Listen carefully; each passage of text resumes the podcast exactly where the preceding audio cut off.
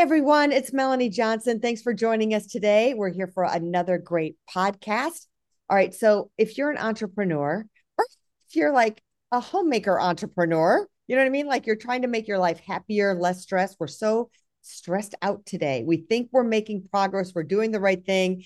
And even if you're successful, you're like, oh my gosh, am I really happy? Am I like living my best life ever?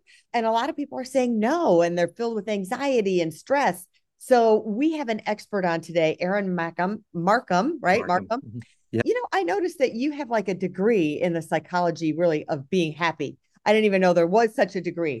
so we have an expert with us today, and we're going to dive into this so you can be happier and less stressed. Welcome, Aaron. Thanks for joining us today. So good to be here. Thank you for having me, Melanie. And uh, yeah, master of applied positive psychology. So some people call it the happiness degree but I can I can talk more about that and how it kind of you know came about and what the history of that is. But it's all about how to flourish regardless of circumstance. Really is, is... So imagine just studying that. I mean, you got to be a happy person just every day. you know, studying how to be more every day. You're learning more things of how to be happy. Well, tell right. me, how did you decide? I mean, at a young age when you were going into college, that this was going to be your major and then turn that into a business? Well, interesting. My I didn't actually go through the master's program until more recently. You know, I actually went in at about age 49. And so this was my journey is an interesting journey. So I started my first business in 2002. It was a home care agency. Mm-hmm.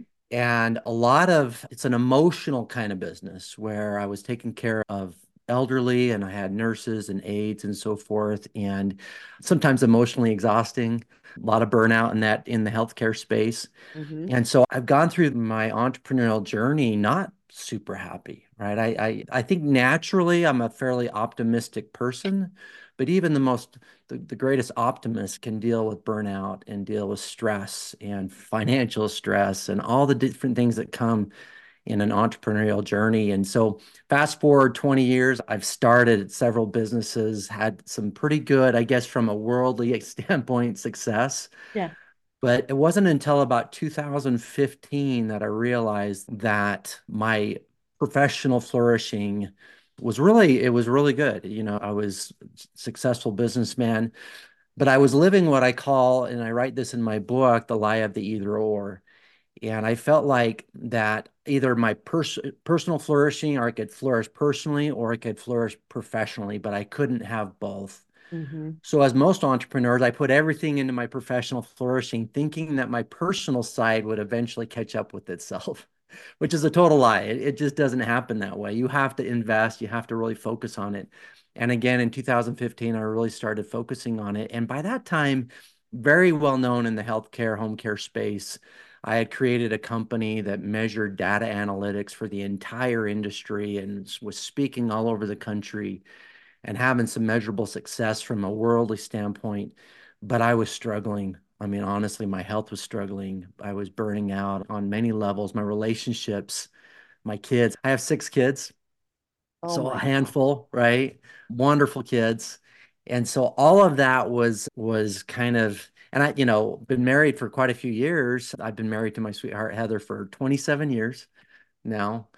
But but again, my relationship with her was struggling. And so when I really decided that if I put the investment in my personal flourishing side, if I start pursuing other passions and not becoming so obsessively passionate about my business, I learned that my business would thrive as a result. And that's exactly what happened. 2016, I got into cycling. You can see some of the cycling medals behind me and started pursuing other things. And then in 20, I sold my business. You know, there's a lot that, I mean, this podcast isn't two hours long, right? So, sold my business and then applied to the top program in the world for positive psychology. Martin Seligman, he's a very well known psychologist in the positive psychology. He's the father of positive psychology. He started that program.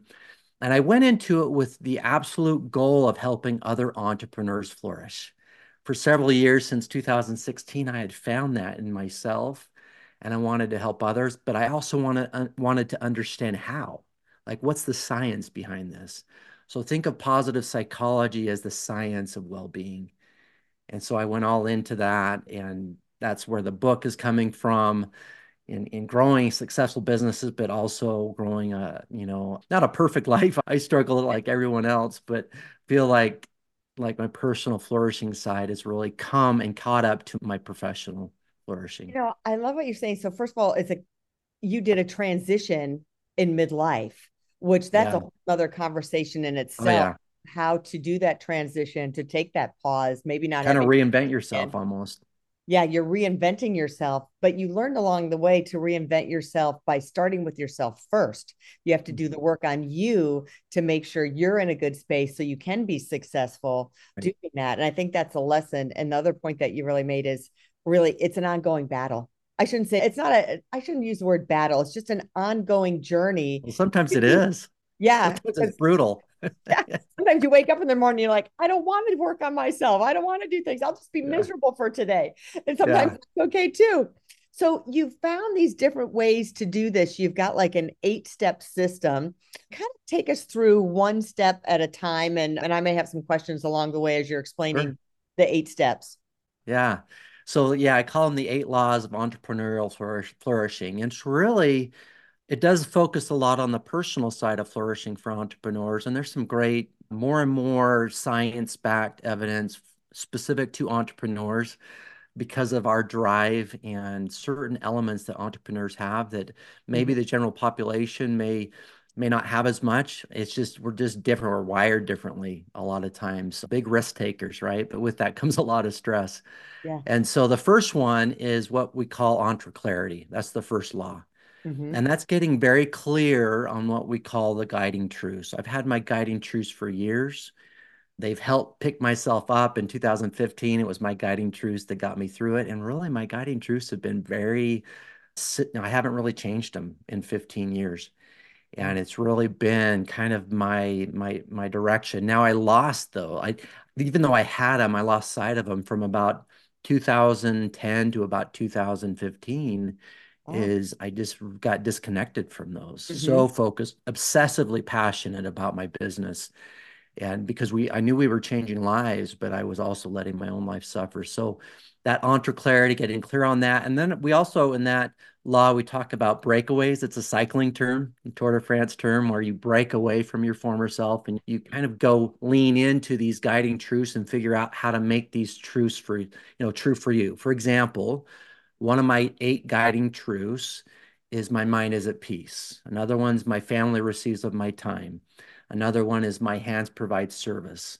And I have these kind of guiding truths that mm-hmm. are just kind of interweave, you know, my own life. They're just very much a part of me that I want to be true about me at all times. And so I have to come back to those. The second law is entre create. So the creation. If entrepreneurs are not creating, their well-being suffers. There's a lot of science behind this. And so if they're always in their business and they're not taking time for themselves, I call them deep thrive sessions where you going you're going all in to kind of your own self-development mm-hmm. two or three times a week. I talk more about this in the book and how to kind of go into that with a real intention. You're yeah. not necessarily working on your business, you're just working on yourself and you're thriving and it's this kind of deep focus early in the mornings is typically when you do these deep thrive sessions but that's an opportunity for you to create a better life and making sure you're taking care of yourself so creation very important also creation at work making sure you're creating space at work to create and so that's the second law. The third law is entre. The, yeah, go ahead. The third one, the second one. So when you're saying create, it's really when you're saying you're going deep. It's more of a thought creation versus like i'm going to go make a painting or i'm going to you know make something creative or artistic or learn a new skill. It's more of an evaluation of yourself is what you're saying. It could be both right? Mm-hmm. is that both are creative very powerful exercises is that if you are artistic leaning into that, you know, if that's a personal hobby or something you're doing, then that could also generate some creative thought. But also, it always leads with creative thought. Like in those creative periods, is that first thinking, planning it in your mind of what you want to create. Mm-hmm. It could even be planning a, a family trip, you know, and creating that and really thinking through how you're going to make those real connections with your kids on that on those trips, you know, that kind of thing. So it could include both, but it always includes the mindset of creation. Okay. So yeah. Third is EntreGrit. Grit, super important for entrepreneurs. I go through these five levels of grit and the first level is curiosity. Like when we first think about our entrepreneurial adventure, we're, we're curious about it. We're like, ah, oh, that might be a good thing that I could pursue. The second level is interest. That's the research level. That's where we're kind of going a little deeper into whatever that is. Mm-hmm. The third level is practice, which is the level that many entrepreneurs skip, is real understanding that passion for something you're doing typically doesn't happen until we practiced it for a while. Mm-hmm. Like sometimes we expect that passion just to kind of fall in our lap, and that can affect our. You're fine. That could affect the, the, our staying power if we don't practice it enough. So that's the third level. I really go into that. It's really important. Angela Duckworth in her book Grit talks about practice as well. And then the fourth is passion. It's the one that we know we, that we hear about passion for what you do, your why, all of those things. But if we skip those first three levels, our staying power and really passion cannot be developed fully. Yeah. And so that fourth level is really important. But a lot of people don't realize there's a fifth level beyond passion. Is that as soon as you are passionate and you practice it and you're really into it, then calling is the fifth level. And the calling is the impact you want to make. Whatever you're creating, with your business, again, going back to that second law, whatever you're creating, if you feel called to it, your staying power and your grit just deepens even further. And then you have to be careful. I talk about in the book the harmonious versus the uh, obsessive passion is make sure that you also have other things you're passionate about that you're pursuing hobbies, cycling in my case, and so forth. And so that's the third. I'll, I know for time, I'll hurry through these. The fourth one is connections, interconnections. That's your relationships. It's the number one reason or the number one impact to well being is our relationships. Mm-hmm. And so I, I go deep into the three different levels of relationships or how to foster better relationships. One is being congruent with yourself. How you are in public is also how you are in private. If mm-hmm. you're not, your relationships suffer you know, in that sense. The second is being present. We hear that a lot, but I go about, you know, if you, when you're home, let's say you're starting a new venture and you have to put 70, 80% of your time into the new venture, but at least that 20% that you're at home, be there at home, be present. And we, I go deep into that. And, and the third level of that is these high quality connections, making sure that every day you're having these what Jane Dutton, organizational psychologist, calls high quality connections. We're having those little impacts on individuals, and I go into how you create those high quality connections every day. And you know, and then entre habits is the fifth one. You know, creating those positive habits, dynamic positive habits is what I call them every day. It's the unconscious habits that make the biggest difference. I go into character strengths in that law as far as like the virtuous strengths that we should be creating with our habits. Super powerful concept on creating good, solid entrepreneurial habits that help us develop better character in our lives and better character strengths. That's a positive psychology term that Chris Peterson and Martin Seligman have developed um, over the years. The the seventh one is the that's the health and vitality, of course. That's also mind and body. Mm-hmm. It's like investing in both and making sure your mind, as Joe Dispenza calls, is really in charge, you know, of your body and controlling that. And it's all about mindset. And then the eighth one is agency, entre agency. It's like not blaming others. It's really leaning into owning our outcomes and our imagination. I go deep into these three levels that Martin Seligman has talked about when it comes to agency but agency is so i call it the keystone of all the eight laws is mm-hmm. because it's just pivotal to everything else kind of wraps everything else and so all these eight laws lead to what aristotle calls the good life. It's the complete life. It's the full life. It's not a life without challenges but it's a life where we can flourish regardless of circumstances or challenges that might be going on. And so that's the whole premise of the book yeah. And, you know, so I'm thinking about you were talking about being present. And today it is so hard with social media and we're attached to our phone that we might be in the room, but we're checking our email, we're checking, looking at Instagram, we're bored. So we're yeah. not necessarily present. And I notice this is with my kids a lot that not my generation as much as the younger generation. Yeah. It's a constant battle. oh, it's huge. We're just uh, bombarded. But it's also like for me, for years, even before all that technology, early on in my, you know, when my kids were younger and so forth, so they would be talking to me and my mind is on my business that's the case for many entrepreneurs even if they don't have a phone in front of them is our mind can be elsewhere and yeah. so being just there being mindful self-aware there's a big mm-hmm. factor to that so and then what are some keys of taking making some of these habits? You talked about you know being unconscious habits of being conscious. It's like learning a stick shift. You have to be conscious of the break and the moving of everything and it's jinky when you start. Yeah. how do you transition to make some of these habits to be unconscious that you're just they're automatic now you're just doing yeah. it. Yeah. Yeah. You've got, you know, of course, I'm not in the book. I don't repeat a lot of the atomic habits. There's great ways that he, that Cleary talks about, or Clear talks about making those, some of these things unconscious. But when I talk about unconscious habits, I'm really leaning into the character strengths. Mm-hmm. For example, creativity is a character strength, self regulation is a character strength. And by making those unconscious where it just kind of runs in the background we just do them we have to make them conscious first. And we have to set up these like triggers and things that remind us to to lean into those. For example i am trying to foster a greater habit of my relationships with my kids and so texting them every day, at least one of them every day is my goal to see how they're doing and just kind of make that connection. Because I have four kids that have moved out of the house and, and they're living life as adults right now. And I want to make sure I'm connected. So I have a reminder on my little watch here that has triggered the, in the mornings, it triggers me to send a text. And after a while doing that, I don't need that reminder anymore. It becomes unconscious as like, I'm going, it just is running in the background and I'm going to send a text, but it takes a while for us to create those kinds of habits.